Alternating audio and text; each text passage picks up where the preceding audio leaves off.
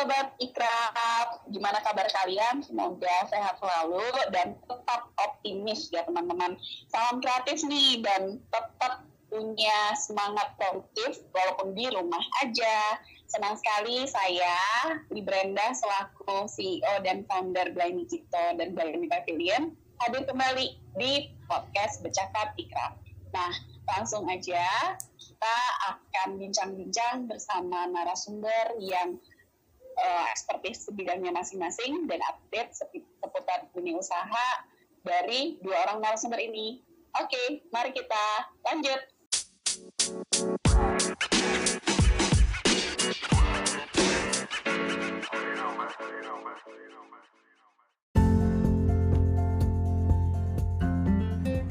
Halo Sobat Ikraf, kembali lagi di Bercakap Ikraf. Kali ini Bercakap Ikraf ada spesial uh, narasumber kita ada Kang Cecep Adianto dan Mbak Dina Adelia. Ayo kita sapa dulu ke Kang Cecep nih, Kang Cecep.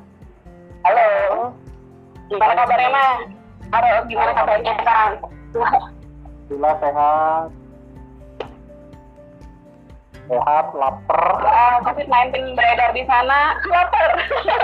Oke okay, Kang, thank you nih udah mau bergabung di kita, udah mau di uh, join di podcast bicara Nanti kita akan sharing ya. Nah, uh, apa selanjutnya saya boleh langsung menyapa dulu nih ada Mbak Dina Adelia. Halo, halo. Halo, maaf ini suara seneng deh. Iya, baru mau di ya. Aduh, Mbak baru bangun tidur tapi tapi kalau baru bangun tidur suaranya langsung kayak gini. Senang dengarnya. Uh, ya, thank you. by the way uh, uh, uh, ini aku langsung aja masuk ke pertanyaan ya. Ke Kang Cecep dulu nih boleh ya Mbak Dina ya. Ke Kang Cecep dulu nih ya silahkan. Uh. oh siap Oke, okay. Kang Cecep, boleh dong diceritain nih uh, secara singkat buat teman-teman, uh, buat sobat Ikraf tahu, Kang Cecep nih uh, siapa Kang Cecep ini tuh uh, kerjanya apa, backgroundnya apa, sama di kita kan ngobrolin kita, berarti orang yang berkecimpung di kita sebagai apa nih Kang Cecep, monggo. Oke, jadi kenalin nama saya ini Cecep Perdianto. Jadi sarjana akuntansi dari Universitas Andalas Sumatera Barat. Nah, Oke. Okay. Di Jambi ini ya, sudah mulai ada itu sejak 2010 di 2010 okay. saya pulang, pulang ke Jambi uh, lebih banyak bekerja di bidang pengembangan sumber daya manusia jadi ada namanya PT MISI namanya PT Mitra Sumber Daya Insani nah, salah satu kasus juga di sana terus kalau di Ekrap sebagai ini anggota periklanan oh, okay. uh, Oh tapi ini ini juga ya, saya, saya tuh cukup pernah, uh, menariknya saya setahu saya, Kang Cecep ini juga punya usaha kan, usaha rumah madu Jambi ya? Iya betul. Uh, tapi masuknya sektor periklanan, nah ini nih, ini nih. Kalau saya, ini orang, uh, uh, apakah memang uh, menjalani kedua kegiatan ini secara bersamaan atau gimana nih Mbak uh, Kang Cecep? Ya, karena saya ini kan mengerjakan apa penjualan atau aktivitas rumah madu via internet semua. Hmm. Ini pengangguran. pengangguran, pengangguran yang uh, yang menghasilkan ya kalau cocok ya. Jadi tetap tetap walaupun di rumah online tetap uh, kami tetap closing gitu ya tetap tetap menghasilkan Wah luar biasa nih, ini banyak pasti nanti uh, nanti akan akan uh, banyak sobat ikhlas yang penasaran nih gimana bisa menjalankan bisnis seperti Kang Cecep. Pasti seru banget nih. Tapi tahan dulu, tahan dulu. Uh, nanti ya uh, bakal nanya-nanya lagi. Uh, selanjutnya aku mau ke Kak dan Mbak Dina nih, Mbak Dina biar nggak ya biar sama-sama perkenalan singkat dulu. Boleh Mbak Dina. Uh, kan punya Dina Adelia Studio itu ya sama ya. brandnya tah ini Uh, enggak, itu kalau itu pekerjaan seni saya. Nah, kalau nama brand itu ada lagi, beda-beda lagi. Oh, oke okay, oke. Okay. Silakan uh, langsung aja di uh, diceritain secara singkat sama boleh background pendidikannya kalau tadi kan Kang Cecep ternyata akuntansi ya kalau Mbak Dina sendiri apa nih dan sebagai apa di Ikraf Jambi Baik, uh, halo perkenalkan, uh, nama saya Dina. Saya seniman tekstil dan saat ini memiliki kelas seni yang saya kelola secara mandiri. Background pendidikan saya adalah uh, lulusan S1 Seni Rupa di Universitas Negeri Semarang. Nah, di Ekraf ini saya sebagai anggota sektor seni dan juga kria. Wah, pas ya kalau kalau Dina uh, korelasi antara pendidikan dengan masuk join di sektor ini klop ya. Jadi benar-benar orang yang ekspertis di bidangnya udah di jalur yang sama gitu ya. Alhamdulillah ya menguasai. Puji Tuhan ya. Jadi kayak kayak ini sana. Kalau Mbak Dina ini kan uh, kalau untuk art and craft itu kan tidak semua orang istilahnya bisa mengandalkan ini nih uh, sebagai sudah mata pencarian. Nah, kenapa awalnya juga saya tertarik nih ke dunia art and craft dengan pendidikannya juga di jalur ini, terus akhirnya lanjut dengan usaha yang tadi Dina ya studio ini kan uh, sebagai profesi gitu. Gimana tuh Mbak Dina? Uh, awalnya kalau itu emang dari kecil ya saya suka sama seni dan keterampilan itu dari kecil. Karena dari SD sendiri udah bikin apa uh, tugas-tugas karya-karya tugas gitu yang handmade. Kalau SMP saya suka jualin kerajinan tangan yang saya jual saya ciptakan sendiri dan saya jual. Uh, jadi keluarga juga latar belakangnya seni. Jadi mungkin emang udah dari situnya sih darah seninya ya. Ada dari sudah sudah bawaan lahir ya ini ini sobat ekraf kalau ngedengar suara Mbak Dina uh, orangnya cheerful ya orangnya ceria terus demen seni. Pasti uh, membawa aura positif buat teman-teman yang nanti sobat ekraf juga mau mungkin tanya-tanya lebih detail gitu ya bisa langsung ya nanti ke Mbak Dina setelah ya, bisa. setelah ini kita kita akan mention uh, untuk usahanya Mbak Dina dan juga nanti menekan cecak nih baik baik bisa amin kita bolak balik ya TikTok lagi nih lanjut ke Kang Cecep nih. Jadi saya membahas satu teman dari uh, subsektor uh, subsektor uh, kria satu ini dari periklanan tapi beliau ini juga usaha madu. Nah saya saya tertarik dengan obrolan ke jenis usahanya sendiri nih Kang Cecep nih. Oh gitu. Kang uh, uh, uh, ke ya kan bis madu itu ada banyak ya Kang Cecep nih. Nah uh, di rumah madu Jambi sendiri ini tuh apa sih keunggulan madunya? Atau mungkin madu yang beda nih sama yang dijual di tempat lain gitu? Mungkin biar teman-teman apalagi sekarang butuh nih butuh uh, madu yang membantu menjaga mereka punya imunitas tubuh gitu melawan virus corona. Gimana nih kan Cecep? Oke, jenis madu Ya, jenis madu dan mungkin membedain dari uh, brandnya Kang Cecep nih, rumah madu Jambi nih, uh, madunya, kualitas madunya apa-apa. Mungkin ada yang mau di-share juga ke Sobat Ikraf. Jenis madu yang dari dihasilkan oleh rumah madu Jambi ini keunggulannya itu apa? Sama boleh share nggak ke kita? Kita kan sekarang butuh nih untuk jaga imunitas tubuh kita dibantu dengan uh, vitamin dan madu, vitamin C, madu. Mungkin uh, dari cara kita meminumnya atau mengolah madunya atau menyimpannya, nah itu uh, di-share dong ke sobat ikraf gitu. Jadi biar kita bisa uh, tepat gitu peng, uh, pem, memaksimalkan minum madunya atau minum atau makan nih kalau madu nih. Sekarang jadi saya suka ada melihat juga orang yang makan madu, ada yang bilang minum madu. Silakan Kang Cecep. Oke baik. Jadi rumah madu Jambi ini berdiri tahun 2011. Hmm itu awalnya fokus untuk mengumpulkan madu kita eh, madu sialang, madu akasia, madu eukaliptus. Jadi itu jenis-jenis madu hutan yang madu tata atau lebah yang liar gitu. Kalau kalau menyebut sih lebah-lebah teman karena badannya gede. uh, tapi ini pembudidayanya kan di hutan atau di mana nih kan tidak? Ini masih lebah hutan, kemudian kan ada asap ya. Kita kan kena bencana. Nah kita kena bencana asap. Seluruh lebah dorsata ini kan banyak mati. Kemudian madu hutan sudah boleh dikatakan produksinya sudah jauh banget menurun. Nah maka semenjak itu. Uh, kerja sama dengan beberapa teman-teman penangkar lebah yang lain. Itu uh, sejak 2015 mencoba untuk budidaya lebah madu uh, apis mellifera namanya atau lebah Australia nah, Lebah Australia.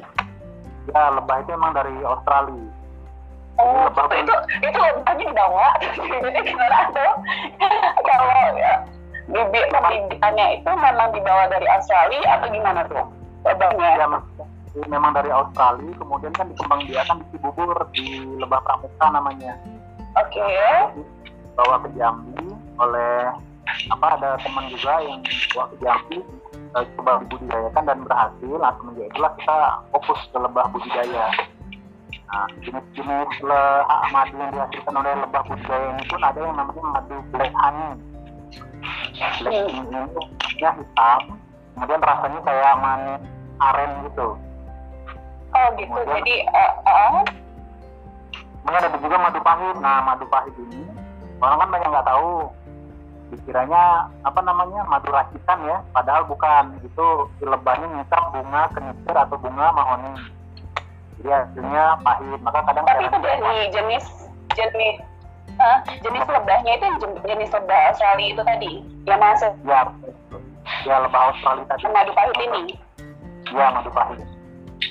Nah, ada lagi namanya Eh, multiflora. tadi Kalau saya hmm, ya, Ya, silakan Mas lanjutin. Eh, saya sambil belajar di sini. Jadi eh, silakan Mas lanjutin. Jadi biar kita di sini sama Sobat Ekraf sama-sama belajar tentang madu ya. Oke oke.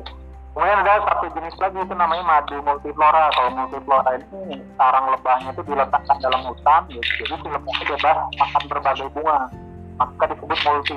Itu banyak flora itu ya bunga, jadi banyak bunga. Ya itu. Nah multiflora ini memang khusus untuk para penderita diabetes. Kemudian juga bisa untuk numbuhkan daging kalau misal penderita diabetes ini udah cukup parah ya lukanya. Nah, terus eh, apa namanya kita juga punya reseller itu yang udah tersebar di berbagai penjuru Sumatera Sumatera ya berarti bisnis bisnisnya sudah ekspansinya udah lumayan eh, ini ya udah udah baru yang baru Sumatera Sumatera kemudian? Jakarta sama Bandung bagian di Pulau Jawa. Oke, berarti Kang Cecep, eh, kalau boleh dibilang sebenarnya jenis madu itu banyak ya, ada beberapa tap- eh, dan eh, keunggulannya mungkin masing-masing beda ya, tergantung kebutuhan ya Kang Cecep ya. Jadi misalnya orang eh, lebih kayak tadi madu, saya baru tahu ada madu pahit ya, ternyata saya pikir eh, itu madunya rusak. ternyata ada baru madu pahit gitu ya.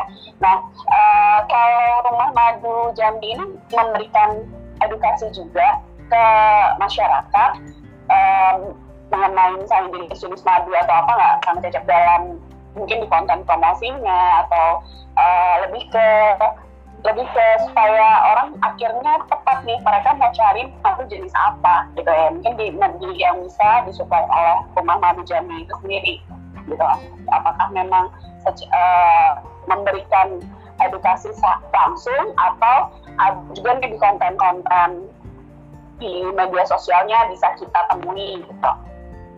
oh iya kalau untuk Facebook kita punya fanpage atau halaman Facebook itu namanya Rumah Madu Jambi kemudian Instagram juga ada Rumah Madu Jambi itu isinya semua konten-konten edukasi bahkan nyaris tanpa menyebutkan harga alias eh, seolah-olah tidak jualan Ya, jadi ya, jadi nanti dari dari customer kalau misalnya tertarik, baru mereka langsung menghubungi gitu ya. Jadi uh, soft selling lah ya, kan Cecep ya. Ya cover selling penjualan terselubung namanya apa tuh? Apa tuh? Apa istilahnya? Kita belajar apa ya? cover cover cover selling cover selling Cover. penjualan Cover. ya. Oh, oke oke. Sobat Ikraf nih baru lagi kita dapat istilah. Kang Cecep ini juga fasilitator, uh, salah satu fasilitator ya, salah saya ya uh, untuk digital marketing cover selling. Ini, ini saya saya sendiri yang masih belajar di bisnis, Kang Cecep baru belajar, uh, baru tahu. Biasanya cover selling, gitu kan namanya. Oke Kang Cecep, kita pause bentar, saya kembali ke Mbak Dina ya. Oke oke. Oke, Mbak Dina. Hai. Mbak Dina. Nah, ini nih, kalau kalau kalau dilihat, saya tuh sempat kepoin juga nih Instagramnya Mbak Dina.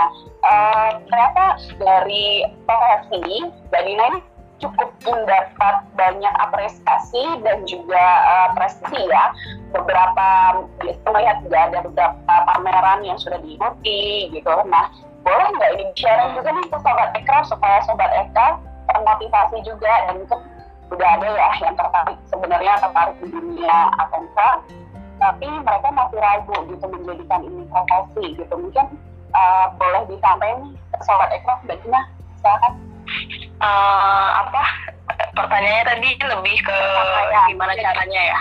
Ya, ya dan uh, dan mungkin uh, gini sih kalau saya melihat Mbak Dina bisa sampai di tahap sekarang bisa berhasil menunjukkan ke uh, masyarakat luas bahwa uh, karya satu itu juga bisa dihargai dan kita berprestasi melalui itu gitu. Nah mungkin stepnya nih ke, ke sobat ikhlas untuk how to how to achieve that uh, achievement gitu.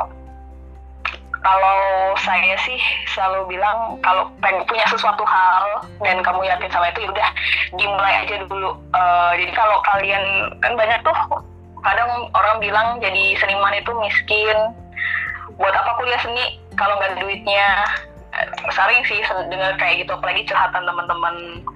Itu ya kamu mau kuliah jurusan di seperti apa pun mau kuliah di universitas sebagus apa pun kalau kamu nggak ada usaha ya tetap nggak akan jadi apa-apa tetap tidak akan menghasilkan uang.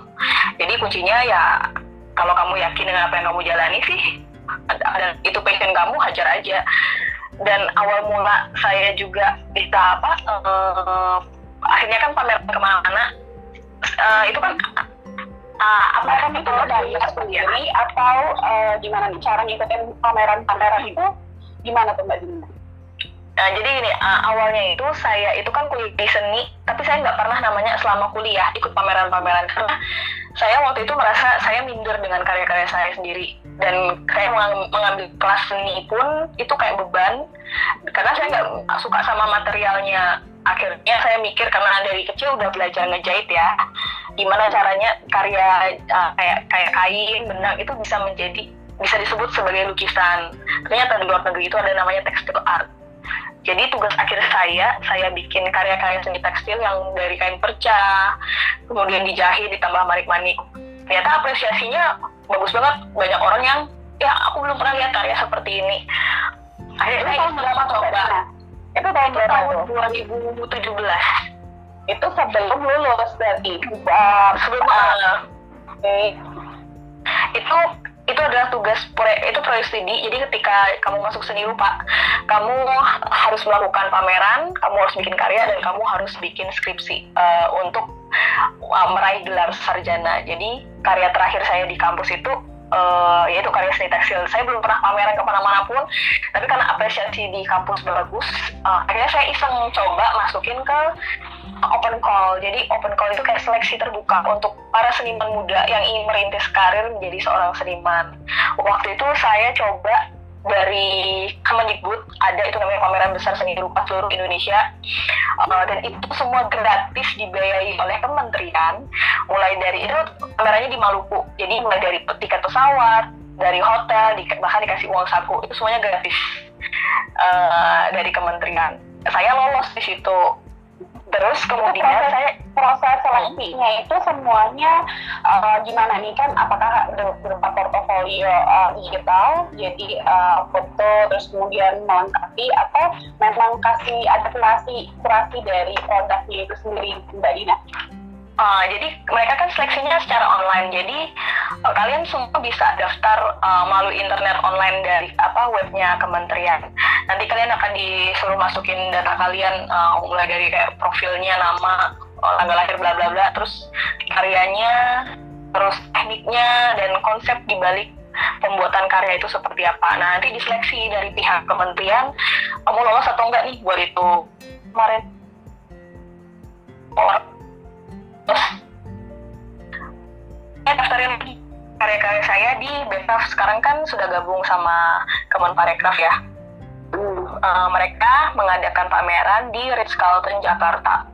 Saya lolos lagi, alhamdulillah. Tapi uh, kami di sana cuma di apa ya, kayak difasilitasi kayak booth gitu tapi dikelola sama pihak galerinya mereka. Jadi kalau itu kita itu sih mengeluarkan uang sendiri, maksudnya untuk biaya pengiriman karya sama saya datang ke Jakartanya sendiri itu biaya pribadi. Tapi kita sudah disediakan tempat di Ritz Carlton yang apa ya itu itu kan mewah dan itu untuk orang-orang kelas kelas atas gitu kan. Kan saya kan iya. anak-anak kuliah ya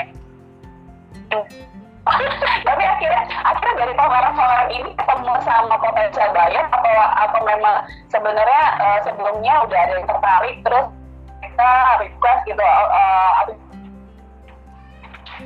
saya awalnya itu karyanya apa ya? Kalau untuk pameran kemarin kayak di backup.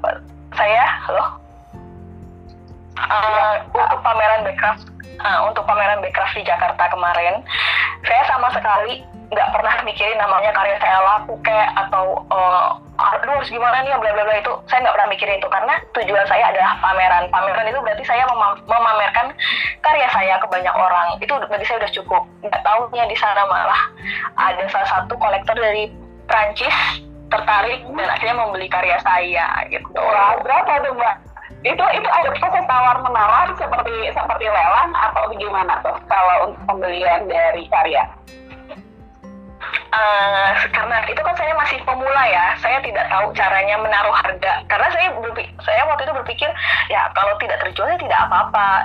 Uh, dan karena saya masih pemula, saya taruh harga karya itu 5 juta. Ternyata itu sold out uh, terus saya dimarahin sama pihak galeri. Karena saya terlalu murah ngasih harga. Terus kan saya tanya loh memang harga karya harga karya? Kan saya murah kan saya nggak tahu apa-apa gitu loh. Yang penting saya udah imagine udah udah foto-foto udah seneng aja gitu kan ternyata ketika dikasih tahu sama pihak galeri ya karya kamu ini sudah bisa ditaruh harga 10 juta ke atas gitu. Wow. Jadi saya belajar banyak sih di situ. Uh, oke okay, oke. Okay. saya berikhlas jadi kalau kalian dengerin uh, podcast ini seni itu kenapa patut diharga, uh, dihargai tinggi juga? Karena kan ada proses benar dan tidak semua orang memiliki talenta untuk membuat satu karya seni ya dan memunculkannya itu menjadi indah menjadi layak untuk dikonsumsi lahir batin ya kalau karya seni itu kan kita lihat secara visual tapi ada kepuasan batin ya bagi orang yang ada kepuasan batin ya Iya, Oke, okay, siap, siap. Nah, Oke, okay. ini sih, ini sih menarik banget sih. Nanti kita lanjut lagi. Saya kembali ke Kang Caca. Kang Caca. Ini ya, hidup, ya. hidup. Nah, kita kita sama-sama dengerin ya Cecep ya tadi kan dari Mbak Dina uh, walaupun uh, sektor bisnisnya berbeda cuma sama-sama belajar di sini ya. Nah ini juga menarik Kang Cecep setahu saya adalah salah seorang fasilitator saya benar nggak di dunia digital marketing. Jadi berikan uh, on apa seperti kayak kelas uh, iklan online seperti itu benar nggak Kang Cecep? Iya benar ada. Nah,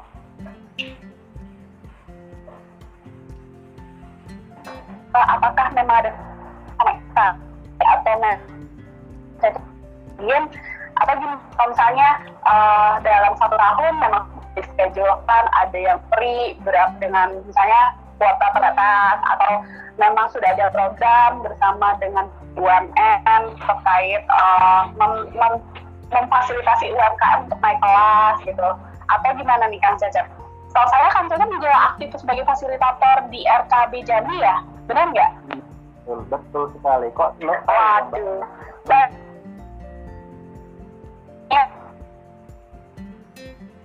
itu ternyata um, mereka tuh multi talent semua. Kan Cece seorang fasilitator juga seorang uh, produsen dan punya brand juga rumah rumah madu Jambi.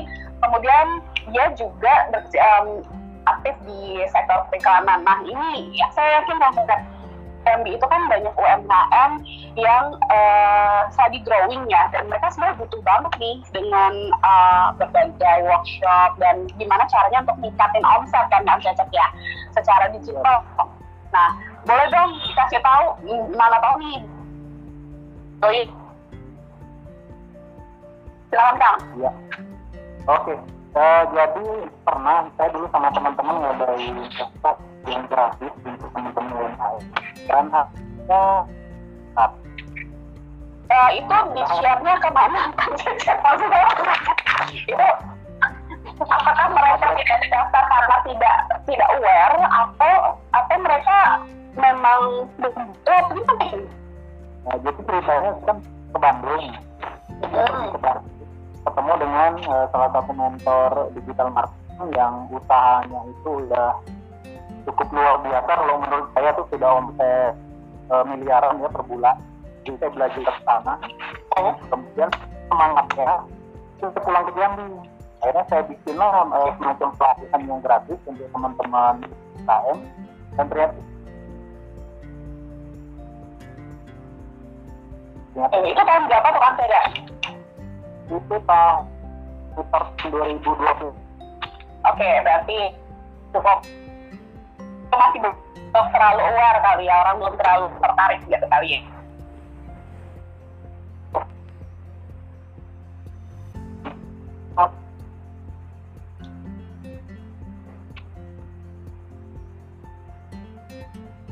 orang nggak nggak mau gitu nggak karena mereka nggak ngerti Oke. di sana sih Oke, berarti uh, berarti penting pentingnya bahwa kita menawarkan satu produk atau kita menawarin workshop sudah siap ya secara orang-orangnya udah tahu itu apa tujuannya apa dan apa yang bakal kurang lebih mereka pelajari seperti itu ya Kang ya. Jadi pada saat itu kenapa nggak ada yang daftar karena mereka nggak tahu gitu. Oke, Oke. Kayak jam itu kayak di Bandung gitu. Jadi begitu ditunjukin pelajaran Facebook marketing misalnya, itu tertarik ternyata enggak ngerti. Oke, oke. Itu itu tantangan ya. Kalau di Jambi itu tantangan tersendiri ya, Cecep ya. Betul. Mm-mm. Terus selanjutnya setelah tahun 2012 itu akhirnya eh, eh, gimana? Sekitar tahun 2015 itu saya 2012 sudah mulai jualan mati lewat Facebook, sudah mulai ngumpulin.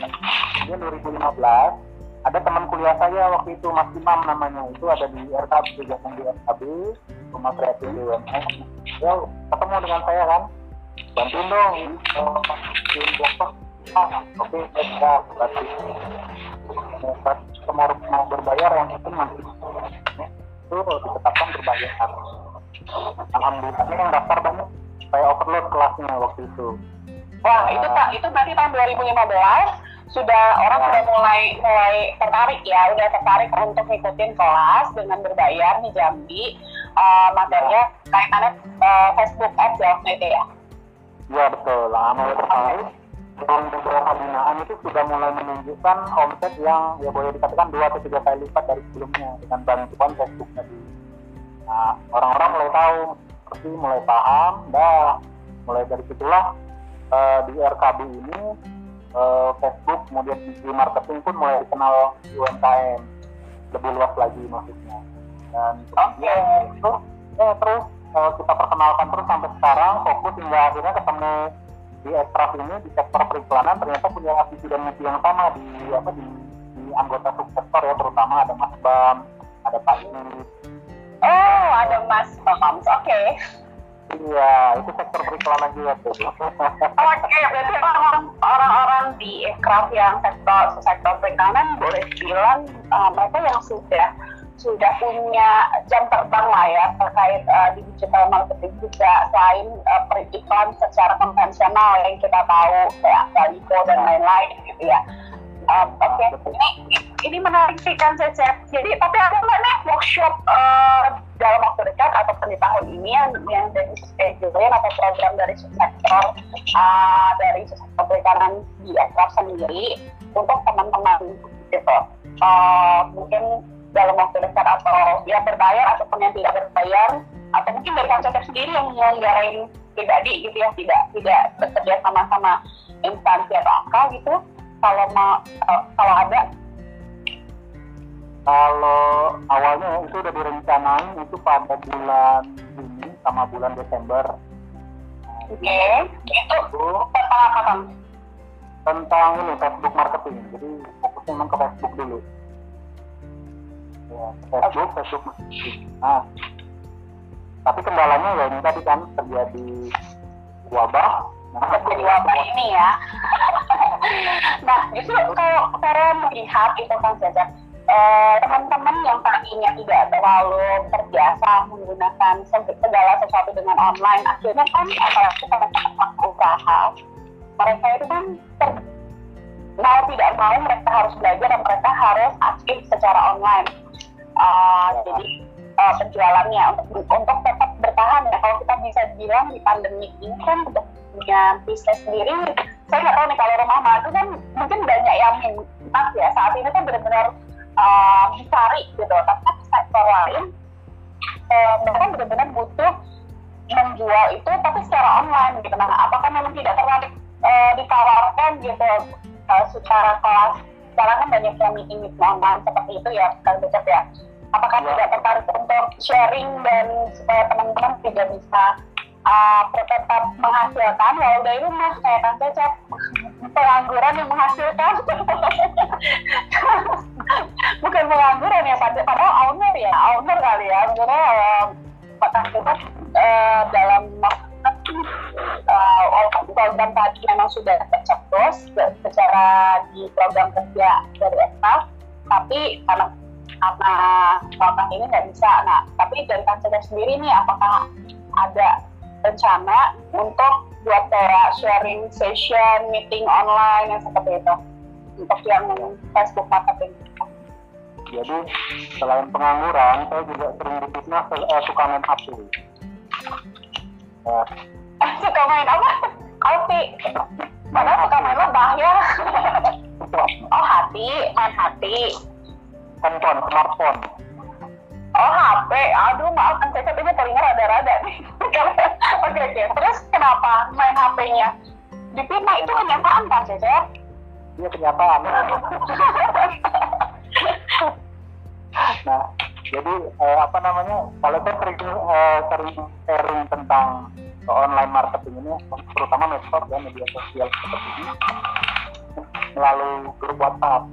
Jadi ada grup WhatsApp, guru belajar itu biasanya diundang sama teman-teman komunitas misalnya komunitas teman-teman yang jualan tempe kadang sering undang nah gitu gimana sih pada jualan tempe di masa pandemi seperti ini? Ada testing caranya seperti ini seperti ini gitu. Uh, mungkin teman-teman yang jual namanya fashion fashion kan sekarang menurun katanya omsetnya. Bahkan teman saya di Bandung itu yang dulunya punya tujuh toko itu tumbang semua dan sekarang ditutup udah hampir satu bulan. Uh, tokonya sekarang udah beralih fungsi sebagai etalase madu. Jadi dia cepat transformasi cepat berubah langsung memanfaatkan database pelanggan dia jualin madu ke seluruh pelanggan pelanggan berikutnya dan sekarang sudah mampu menutupi gaji-gaji karyawan yang harus dia bayar. Nah omsetnya pun sudah mulai naik itu apa ya? Tapi artinya kalau boleh dibilang sebenarnya kalau menurut kita sendiri nggak apa-apa ya orang mengadaptasi pelaku usaha ini misalnya dari awal dia bisnisnya fashion terus uh, supaya survive dan bisa menghidupi lah mereka kan butuh karyawan uh, membayar karyawan juga gitu ya dan membayar ini mereka langsung berubah apa yang dibutuhkan oleh masyarakat demandnya mereka langsung ganti dengan dengan hal itu supaya uh, omset istilahnya penghasilan lah ya penghasilannya tetap ada gitu ya Joseph ya. Ya betul. Jadi ibaratnya itu kita kan ada konsep mau ngikutin market atau ngikutin produk. Nah pada dasarnya kan kita ngikutin market pasar. Apa sih kebutuhan pasar sekarang? Karena pada dasarnya uang di masyarakat itu tetap begitu gitu nggak berubah. Cuma gayanya aja berubah kebutuhannya aja berubah. Kalau kondisi sekarang kan madu lagi naik-naik daun nih. Ya ini stok sendiri masih banyak atau gimana stok madu ini ya setiap panen habis panen habis. Oh, ya ini ini benar-benar berkah berarti ya berkah. Kalau kalau ibaratnya pandemi membawa berkah juga nih kalau buat bisnisnya kang Cecep ya. Ya kalau saya sih berpikir gini jadi ada teman-teman itu kan yang apa ya dia harus bayar angsuran harus bayar gaji karyawan. Niat niat awalnya sih ya, telepon ah, kalau mau usaha yuk ini saya cuma bisa bantu ini. Eh ternyata dia punya database nomor kontak pelanggan itu kan begitu banyak. Maka cukup dia atau broadcast jawab WhatsApp eh saya sekarang jualan madu apa dia bikin seperti ini eh, salah satu contoh broadcastnya ya mohon maaf eh, bapak ibu pelanggan pakaian sedikit-sedikit stop kami selama masa pandemi kokak tutup namun kami tetap menjual madu sebagai produk untuk menjaga kesehatan banyak yang ini yang respon dan ternyata kebutuhannya itu terjawab gitu sehingga dia sebenarnya udah punya market gitu. Oh, oke. Okay. Berarti, berarti ini juga penting nih untuk sobat Ekra ketahui bahwa kita pelaku usaha atau UMKM memaintain data customer ya. Jadi ketika uh, kita bisa menginform atau menginformasikan bahwa misalnya kita punya toko lagi tutup tapi kita tetap misalnya memberikan jasa delivery atau apa pun itu tergantung sektor jualannya ya kan Cecep ya. Jadi sobat ikraf juga bisa mensiasati ini menjadi satu strategi bisnisnya mereka sendiri gitu ya di masa pandemi ini ya. Sampai masa pandemik ini berakhir atau kita melihat juga nih masa ketika masa pandemik akhirnya bisnis yang kita kita switching itu kita pivot itu uh, lebih berjalan mungkin lebih bagus. Omsetnya meneruskan bisnis itu bisa jadi ya Cecep ya bisa jadi ya. Itu malah nanti akan menjadi bisnis baru. Atau cabang baru. Oke oke. Berarti uh, saya saya sih ini sih saya setuju juga sih. Karena di saat pan, uh, kondisi kita yang sekarang bagaimana para pelaku bisnis itu bisa tetap bertahan itu aja dulu ya. Kita tidak memikirkan untuk uh, seperti yang sebelum wabah omset bagaimana menaikkan omset berkali-kali. Sekarang kita kita tahu juga dengan kondisi ekonomi dan sekarang keterbatasan ini suka uh, kan sudah ada uh, pembatasan kita pengiriman. Saya nggak tahu teman saya di Semarang itu mau ngirim barang ke sini juga saya beli produknya dia itu udah nggak bisa. Karena ada beberapa uh, ekspedisi gitu jalurnya udah ditutup udah nggak boleh even bukan manusianya yang yang yang uh, tapi udah ditutup jadi ini juga salah satu yang saya baru tahu kemarin. Saya pesan barang itu nggak bisa gitu. Dan uh, mereka jadi bingung. Akhirnya di daerah yang mengirim daerah. Nah mungkin ini juga untuk di Jambi kita saling gotong royong ya sama sama pelaku saya nggak tahu apakah di Jambi masih bisa menerima dari uh, dari luar atau mengirim keluar tapi ini baru banget kemarin saya order dari Semarang itu udah bilang nggak uh, bisa barangnya untuk sampai ke Jambi karena uh, jalurnya itu ditutup. Kayak gitu sih. Jadi cukup cukup cukup sedih juga sih karena saya juga punya beberapa produk yang ada harus dari luar gitu harus dari luar Jambi gitu oke okay, Cecep uh, saya lanjut ke Dina dulu ya. Mbak Dina maaf ya di ini uh, saya keseruan ngobrol sama Kak Cecep. Santai Mbak Nina juga mungkin pernah tahu dia uh, dalam pandemik ini juga turut menjual rumah ini. Apa madu juga dari yang tertariknya? Atau apa di, di pandemik ini Mbak Nina uh, apa sih yang dilakuin sama work from home gitu ya? Dia mungkin buat tutorial kah? Atau uh, sharing nih ke Mbak Nina punya kalau nggak salah kan punya kelas juga ya untuk anak adik-adik hmm. ya kelas iya. gitu ya nah itu uh, diajarin apakah via YouTube kah atau Instagram Mbak Dina seperti apa Mbak supaya tetap nggak bosan gitu di rumah apalagi nggak punya anak-anak uh, Iya. uh, jadi karena apa? Orang pandemik ini, karena pandemik ini juga kelas seni saya kan juga diliburkan karena saya juga nggak pengen uh, maksudnya apa ya? Uh, membahayakan anak-anak didik saya sendiri. Akhirnya uh, kita liburkan sampai ini nggak tahu kan karena ini belum tahu bakal berakhir sampai kapan. Jadi ini udah ditunda apa ditunda ditutup itu dari mulai Februari dan banyak anak-anak apa kelas saya yang mau daftar juga akhirnya nggak jadi karena ya itu uh, corona ini kan. Uh, jadi saya mikir lagi kalau kelas saya tidak jalan kan otomatis ya tidak ada pemasukan ya.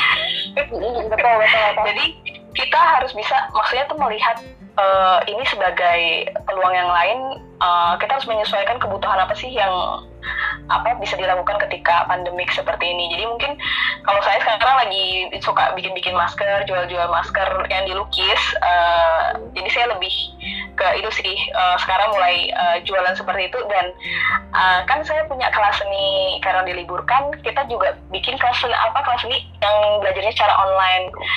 Dan saya juga punya uh, peralatan-peralatan DIY kit gitu. Uh, jadi itu sudah bahan, alat bahan dan video bisa dibeli dan oh bisa belajar itu dari rumah sendiri gitu. Jadi kayaknya apa ya bisa ngikutin sih sesuai dengan kebutuhannya sekarang. Tapi kalau di Jambi sendiri berarti sebenarnya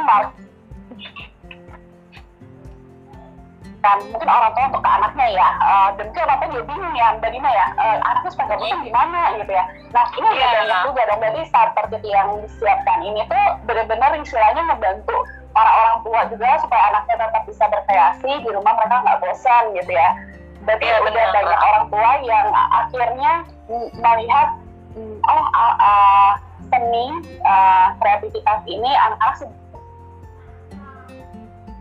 tanamkan ke anak-anaknya gitu jadi mereka mereka nggak memandang kalau di, beberapa kalau dulu tuh lesnya tuh paling les matematika les les les yang les les yang kelas-kelas yang bukan seni lebih ke apalagi lebih ke untuk pelajaran sekolah gitu ya tapi kalau ternyata udah banyak juga orang tua di sini yang akhirnya mencari guru les misalnya kayak Mbak Dina ini yang untuk mengajarkan seni ke anak-anak mereka ya. Iya, dan kelas seni saya itu kan lebih kayak memfasilitasi anak-anak biar mereka tuh seneng ya dalam berkarya.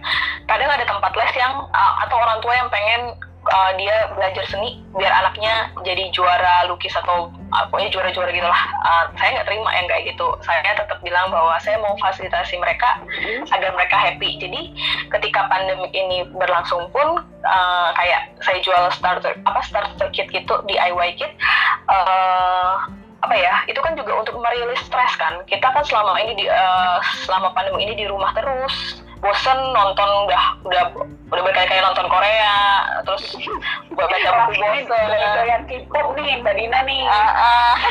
buat buat masker yang gambarnya uh, Korean style gitu Mbak Dina. Kalau saya nggak bisa Oke oke. Jadi emang apa perlu sih uh, perlu sih uh, apa ya untuk berkesenian di rumah agar tidak stres. Dan saya juga aktif sekarang bikin video tutorial di YouTube jadi semua orang bisa akses bisa lihat dan kalau pengen bikin-bikin dari karya-karya saya di YouTube juga bisa gitu. Oh boleh dong di mention apa YouTube-nya? YouTube saya Dina Adelia. Adelianya okay. pakai Y ya. Oke, okay, sobat ikraf uh, mau uh, tahu banyak uh, tutorial dan mungkin bisa belajar juga ya Mbak Dina ini nggak cuma buat anak-anak kan ya uh, channel ya, YouTube ini kan dewasa. Oke, okay. jadi bisa bisa kalau zaman now kan semua sekarang ngeceknya YouTube gitu cari gampangnya di YouTube uh, gitu ya. Oke, okay.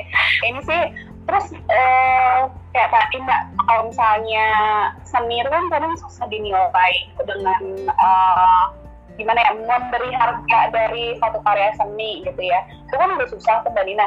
Ada nggak sih kalau mbak Dina akhirnya gini misalnya oh saya untuk membuat satu karya ini mungkin butuh berapa berapa lama waktunya akhirnya dikonversi lah menjadi satu nominal. Atau karena eh, saya kurang tahu juga sih ya kalau kadang kan kalau kita yang biasa kita hanya menghitung kayak bahan baku dan akhirnya kita menghitung uh, biaya dari produksi ya. Nah, kalau karya seni itu sendiri, patokannya, hitungannya tuh kayak gimana sih hitung-hitung uh, harga jual gitu? Kalau untuk karya seni itu uh, apa ya banyak sih yang bisa dinilai uh, dalam menentukan harga penjualan karya seni. Tapi kalau versi saya itu ada uh, pertama itu teknik berkarya. Uh, sesulit apa sih kar suatu karya itu bisa dihasilkan? Uh, kalau saya kan sulam-sulaman dan itu handmade, jadi harganya bisa lebih lebih naik lagi gitu loh. Uh, kadang ada nggak sih uh, orang bikin karya seni terus ada pengunjung lihat ah kayak gini mah aku juga bisa aku juga bisa bikinnya. Uh, itu terkait juga selain teknik berkarya itu yang kedua itu konsep dibalik membuat karya sendi itu sendiri. Jadi kalau mungkin orang bilang itu mah gampang banget bikinnya cuma dicocok gitu aja tapi paham tidak ada konsep dibalik kenapa dia membuat seperti itu gitu loh. Jadi uh, itu kayak ada, ada dua ya uh, teknik berkarya konsep kemudian kalau bagi saya sih jam terbang pameran sudah ke mana aja itu juga bisa menaikkan harga karya. Tapi maksudnya pamerannya yang sudah keluar ya bukan yang keluar maksudnya di keluar Jambi atau secara nasional scope atau internasional nih ngomongin uh, keluar nasional dan internasional uh, yang penting bukan di daerah gitu. Jadi kayak hmm. nasional kayak mungkin bisa sama kementerian sama galeri-galeri di Jakarta kemudian sama apa ya kayak backcraft itu juga sama kemen parekraf kayak gitu sih palingan. Oh gitu. Tapi kalau misalnya ini supaya sobat ikhlas juga nggak berkecil hati sih ya. Menurut saya tuh tetap nah, walaupun misalnya ada ada fasilitas dari daerah mereka tetap dong maksudnya tetap ikut supaya nanti setelah itu mungkin lebih naik kelas gitu ya mbak Dina ya uh, ah, benar. gitu. Oh, benar kalau kamu apa uh, bukan berarti saya mengecilkan apa pameran di daerah tapi kamu tetap kalau belum ada aksesnya untuk keluar kamu bisa mengikuti yang di daerah dulu. Tapi lama-lama kamu harus bisa cari apa ya cari channel dari daerah ini untuk keluar gitu. Saya juga apa awal-awalnya juga kayak gitu. Dari apa dari dalam kota dulu baru apa keluar gitu kan. Eh saya untuk pameran di luar dulu sih. Baru pameran kalau kalau pengalaman Mbak Dina tuh kayaknya uh, kalau di luar dulu terus malah di daerah lebih gampang gitu ya. Mungkin lebih lebih strateginya. Iya. Jadi kalau kita udah punya di luar, uh, akhirnya khususnya mungkin kalau saya bilang di daerah yang seperti kota kita ini, maka Jambi sebenarnya masih berkembang ya Mbak Dina ya. Jadi mungkin masih uh, kiblatnya itu tapi di Jawa dulu nih yang pionirnya yang yeah. ini tapi menduplikasi dan akhirnya mengembangkan tanpa meninggalkan kita punya ciri khas gitu ya dari Jambi gitu kan ya iya karena apresiasi yang kita dapatkan ketika di kayak di Jakarta atau pokoknya di luar ya di luar daerah itu lebih apresiasinya lebih lebih baik. Kita dapat banyak channel dapat banyak masukan dari itu dibandingkan sama daerah. Tapi kalau kamu pengen memang pengen berkecimpung seni dan kamu bisa mulai di daerah ya nggak masalah juga. Nanti lama-lama berproses kan semuanya itu kan berproses kan. Nggak ada yang namanya langsung jadi seniman gede langsung banyak duit itu nggak ada gitu. Oke okay, sip sip sip siap siap kalau gitu. Oke okay, kang Cecep Uh, kalau saya Kang Cecep saya lihat ini kemarin uh, hobinya Kang Cecep itu kan ditulisnya ada main game dan nonton film benar nggak? nah pernah nggak sih Kang Cecep ketika misalnya habis main games atau nonton film terus langsung kepikiran Ih, ini kayaknya nyambung nih buat masuk iklan di digital marketingnya buat kontennya rendah madu atau jadi meme memesnya sesuatu gitu. Kadang kan orang kan orang-orang kreatif apalagi saya percaya juga juga adalah orang-orang kreatif yang uh, misalnya lagi hype apa gitu ya lagi film apa terus kemudian di, dikorelasikan ke produknya. Ya. Jadi saya ketika main game ini kan salah satu game e-sport ya. Jadi e-sport itu yang apa yang kalau kita perang-perang kayak gitu. Nah itu saya heran. Mm -hmm perusahaannya besar, karyawannya banyak, tapi kok bisa ngasih gratis gitu. Nah itu yang bikin heran. Akhirnya saya coba masuk diskusi alur eh, apa namanya games itu eh, dimulai dari bikin akun, kemudian bagaimana menikmati permainan. Ternyata ya ternyata mereka itu sebenarnya sedang mengumpulkan database database orang-orang yang hobi main game. Nah di dalam game tersebut memang mainnya gratis nih, tapi kan dalam permainan misalnya kita butuh semacam item kita kalau pada game perang itu kita butuh senjata yang unik yang tingkat kehancurannya tinggi itu harus beli. Soal di dalam permainan yang gratis. Kalau yang punya duit ya itu saya pernah tanya teman saya memang dia uh, apa cukup ini ya lebih parah lagi. Kecanduan gitu jadi sampai habis satu jutaan satu bulan untuk beli apa namanya itu senjata senjata ataupun Eh, kostum-kostum di dalam game tersebut. Itu bisa habis jutaan dalam waktu satu bulan. Nah, ternyata si perusahaan pembuat game ini eh, meng, apa namanya itu dia mengumpulkan dulu kemudian mencari orang yang menikmati permainan kemudian dia tawarkan produk di situ. Produknya berupa produk-produk game tadi. Atau misal ingin membeli item tertentu mereka harus memiliki ada misalnya semacam token atau semacam diamond atau semacam poin-poin. Nah itu ternyata harus beli di website tertentu.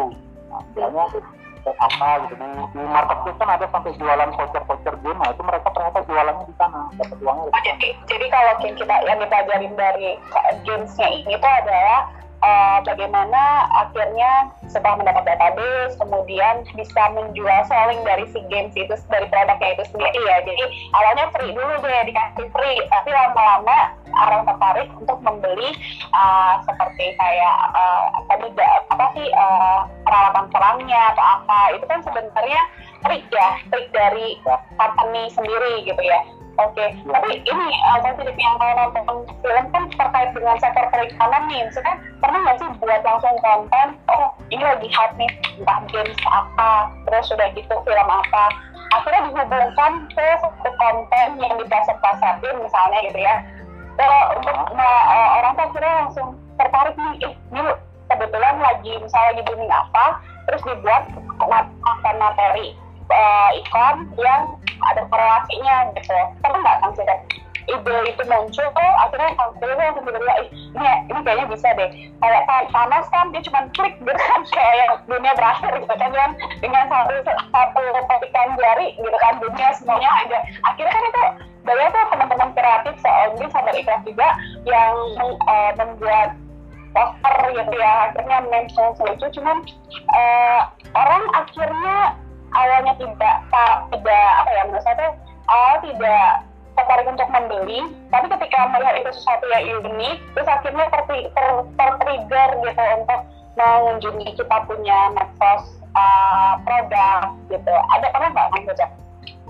Oh pernah pernah saya gunakan namanya metode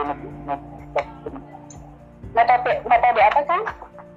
Negatif negatif campaign jadi kampanye negatif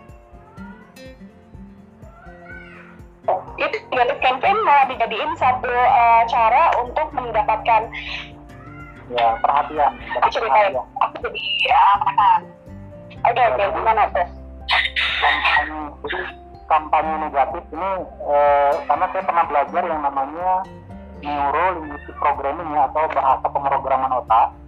Ternyata ya itu lebih cepat menerima berita negatif dibandingkan berita positif 80% otak manusia itu lebih lebih cepat untuk menyerap berita negatif daripada berita positif. Itu itu menjadi sebuah ide dalam memasang iklan. Jadi pernah saya bikin iklan seperti ini.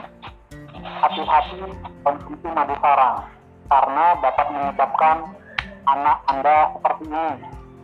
Nah, orang akan bingung tuh. Padahal ini kan madu bergizi bervitamin, tapi hati-hati gitu. Nah, jadi otaknya itu langsung mencari tahu, langsung dibaca, artikel yang saya buat itu entah berapa ratus kata, tapi akhirnya dia baca terus sampai ke bawah. Nah, itu yang menjadi poin penting bahwa ternyata e, kampanye iklan dengan cara berita negatif tadi itu lebih disukai masyarakat pembaca terutama yang ada di Indonesia ini. Dan itu iklan saya berhasil gitu, gara-gara berita negatif dan menjadi pusat perhatian dari e, masyarakat di Jambi khususnya. Keren kan? jadi uh, jadi sebenarnya ya itu salah satu uh, ini juga ya cara ya cara efektif ternyata untuk uh, teman-temannya uh, sahabat ikraf yang tadinya tidak tertarik tiba-tiba oh ini apa nih? Kenapa jadi hati-hati? gitu ya, ya harusnya kan ini oke okay, oke itu itu salah satu insight sih para pelaku usaha di luar sana juga sih kan saja menarik menarik banget itu. Aku nanti juga mau Oke, oke kan bisa kita lanjut ke Mbak Dina lagi ya, Mbak Dina. Hai. Ya, aduh sama sekali deh kalau Papa suaranya Mbak Dina ini merdu banget. Mbak, kamu kalau Mbak, kalau kamu tuh misalnya gini, uh, ada kan kayak tadi kan misalnya workshop nih ya, sebenarnya kan kalau prof itu kan lebih ke kegiatan motorik ya, kalau misalnya ke teman-teman yeah. anak-anak ataupun dewasa itu kan motoriknya gitu. Tapi kan perlu komunikasi juga nih, misalnya menyampaikan mungkin bagaimana cara kita berkomunikasi ke uh, para teman-teman yang ngikutin workshop kita uh, sehingga tidak lebih gampang mereka cerna terus akhirnya mereka mengaplikasikan ke pernah nggak sih ngalamin kendala uh, kendala yang kayaknya ini ini ini jadi kendala umum rata-rata orang fasilitator untuk uh, produk Ria nih gitu uh, si teman-teman yang ngikutinnya tuh misalnya kurang kita udah jelasin tapi kurang kurang bisa menangkap dan akhirnya tidak tersampaikan. Apalagi juga kalau kayak sekarang kan lebih ke online. Tadi kan Mbak Dina cerita buat juga ya uh, istilahnya bekas siapin kit terus ada video. Tapi uh, takut ada kendala kan pastinya dalam proses itu. Boleh di share nggak kendala dan bagaimana menghadapi supaya meminimalisir kendala itu tapi proyek kerjanya ini uh, hasil jadinya tetap tetap optimal gitu. Mana mbak? Uh, apa? Kalau untuk yang kayak DIY kita itu um, biar mereka bisa belajar berkesenian di rumah saya tuh menyertakan kayak handbooknya gitu. Jadi kayak ada buku tutorialnya. Uh, kalau bingung dengan video sama apa video yang saya kasih bisa baca uh, buku tutorialnya. Kalau mereka masih bingung, saya uh, mengadakan uh, live streaming. Jadi ngajarnya secara live. Jadi kamu mau bingungnya apa, ditanyain nanti bisa saya bantuin uh, dari streaming IG apa dari Instagram itu. Ya, tapi untuk itu belum ada sih, belum ada kendala apa pun. Jadi oke. Okay. Tapi kalau di workshop yang offline, jadi kayak jadi benar-benar yang tempat dan semuanya langsung gitu direct, itu pernah nggak sih ada uh, yang mengesankan gitu. Mengesankan artian orang yang ikut orang yang ikutnya mungkin sama sekali tidak pernah gitu terus tiba-tiba dia tapi tertarik dia tuh ada rasa tertarik dan akhirnya tuh ada pengalaman lah sepengalaman yang Mbak Dina gitu. Pernah nggak di workshop atau sejauh ini kan aja nggak pernah yang aneh-aneh dan uh, teman-teman yang ikut workshop juga kooperatif gitu Nah, sejauh ini sih bagi saya fine-fine aja. Uh, uh, apa mereka tidak mengalami kegagalan karena saya juga memposisikan diri saya bahwa ini adalah workshop. Uh, kemungkinan yang datang adalah orang-orang yang uh, belum tahu tapi pengen tahu. Jadi saya posisikan bahwa saya tidak tahu apa-apa tapi saya ingin belajar di situ. Jadi jadi saya juga bisa apa ya uh, ngajarnya juga menyesuaikan sama mereka sih jadi harus sabar harus pelan pelan juga kalau misalnya ada yang apa terlalu cepet kalau mereka apa bagi mereka uh, kalau terlalu cepet bagi mereka cara ajarnya itu bisa dikasih tahu. Jadi lebih fleksibel aja sih. Tapi kalau kalau yang berkesan itu ketika saya ini langsung rekam ya. Yes langsung langsung sampai tadi nggak di post ya baik. Kalau bagi saya yang berkesan itu ketika saya ngajar anak-anak umur lima tahun uh, umur 4 sampai lima tahun.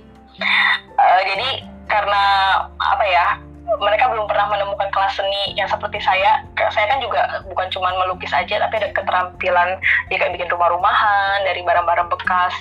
Saya selalu di apa ya WhatsApp sama ya, orang tuanya. Ya apa jadi orang tuanya suka WhatsApp kalau anaknya bangun pagi itu uh, hore hari ini belajar sama Miss itu bagi saya itu berkesan sih maksudnya uh, saya berarti mengajar itu uh, mereka mereka mereka suka uh, dan mereka happy dengan cara yang saya ajarkan gitu Oke, okay, berarti uh, itu di Jambi ya? Ini yang kelas yang ya, di, uh, di Jambi ya? Oke, okay. berarti memang uh, bagaimana kita cara membawakan metode pengajarannya juga sehingga anak-anak tuh lebih nyaman gitu ya jadi mereka nggak yeah, merasa itu belajar banget gitu tapi ah. merasa itu seperti bermain juga gitu.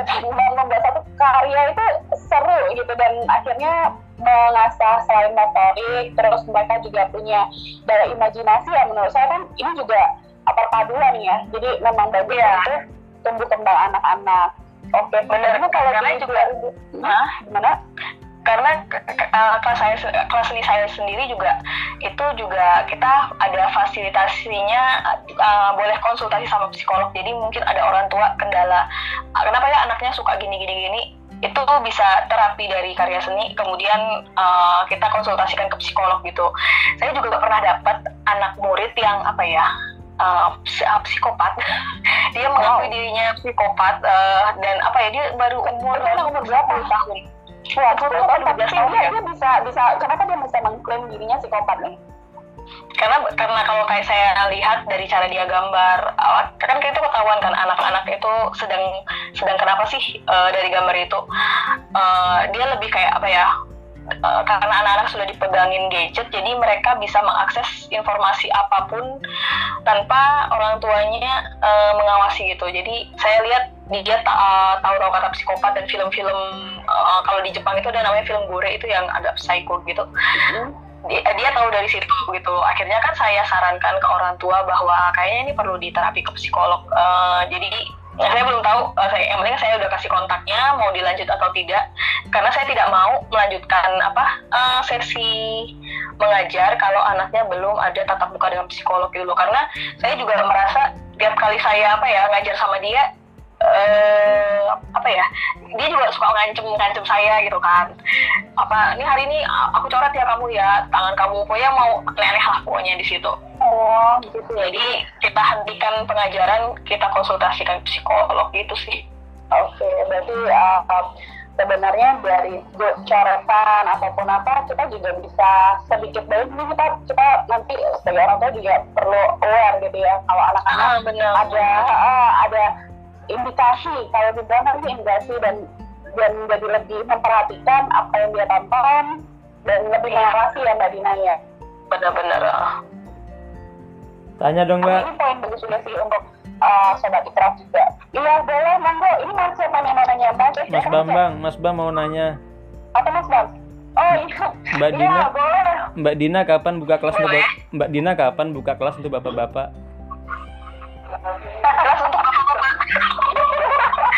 Mungkin bapak yang online atau yang apa offline tatap muka Tatap muka dong. kalau tatap muka kayaknya sekarang belum bisa ya apa namanya itu karena sedang pandemik ini Eh, jadi lebih ke online dulu sih Oke, Oh, oke, oke.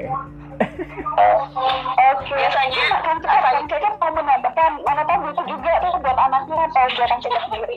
Kalau Mas Bang kayaknya langsung tertarik ya. Mau daftar mbak, daftar di orang pertama. Gimana Kang? hobinya mas hobinya mas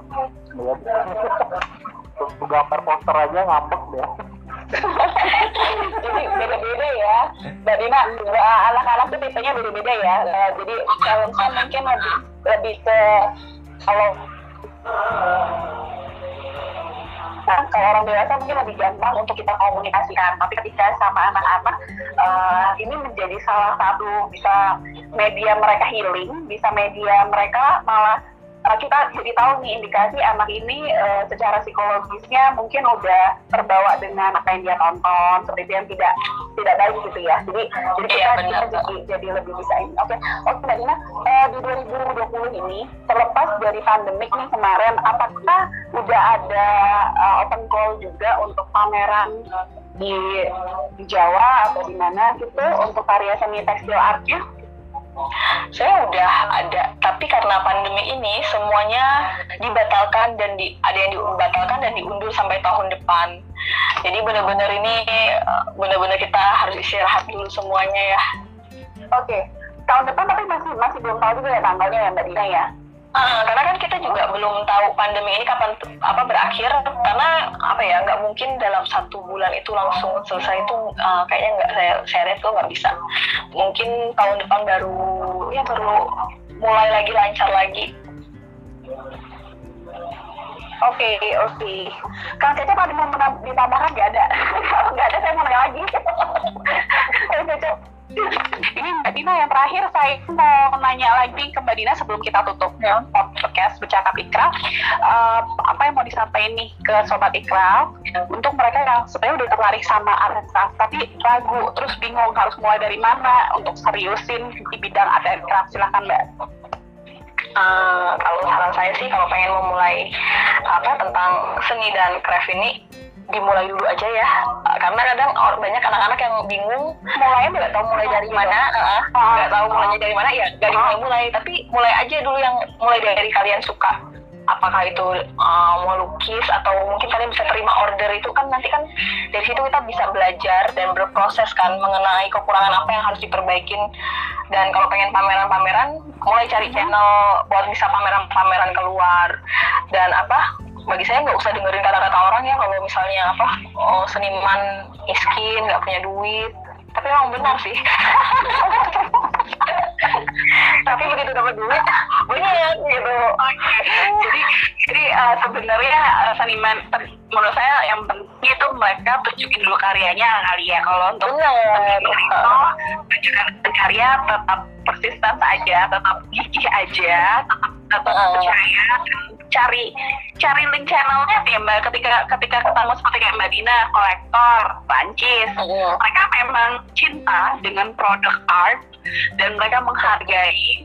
Akhirnya produk kita di nilai lebih gitu. Dan akhirnya mereka mau adopt eh, mau adopsi produknya gitu ya. Jadi jangan pernah ragu juga bahwa kalau kita mempunyai value kali ya mbak mbak eh, mbak Dina Iya. value dari produknya kita ya udah po- eh, produk kita bervalue kita yakin aja gitu ya. Yakin tetap mencari referensi juga ya mbak Dina ya. Jadi tidak tidak dengan idealisme kita melalui idealisme atau gimana nih karena seniman tuh kan kadang idealismenya sangat tinggi Eh, Oke lah, eh, seniman itu kan idealis banget ya, apa namanya eh, dalam berkarya bapak. Tapi kadang banyak orang yang tidak bisa menempatkan idealisme uh, dengan apa ya penghasilan uh, tentang keuangan. Jadi bagi saya kalau kamu pengen jadi seniman, itu kamu bagi dua pekerjaan, satu pekerjaan yang menghasilkan uang bulanan, kemudian satu itu pekerjaan yang itu idealis idealis kamu yang tidak bisa diganggu gugat oleh siapa pun. Uh, jadi apa ya jadi nggak nggak tabrakan gitu loh. Jadi kalau bilang apa seniman miskin ya kamu cari duitnya gimana gitu kan. Uh, apa namanya dan jangan pernah dengerin kata-kata orang yang tidak memberikan kontribusi apa pun ya di hidup kita ya. Yang penting kamu percaya diri dan tanggung jawab sih sama apa yang kamu ambil. Itu sih. Oke, siap siap. Aduh ini thank you banget pembicaraan yang sangat bervalue ya dari Kang Cecep dan Mbak Dina. Thank you untuk waktunya. Uh, kita udah uh, penghujung uh, podcast kali ini bercakap ikraf. Nah, uh, buat sobat ikraf, pastiin kalian selalu follow podcastnya Bikraf, bercakap ikraf dan supaya nggak ketinggalan episode yang terbaru nih dari kita. Instagram dan like FB fanpage-nya Ekonomi Kreatif Jambi ya.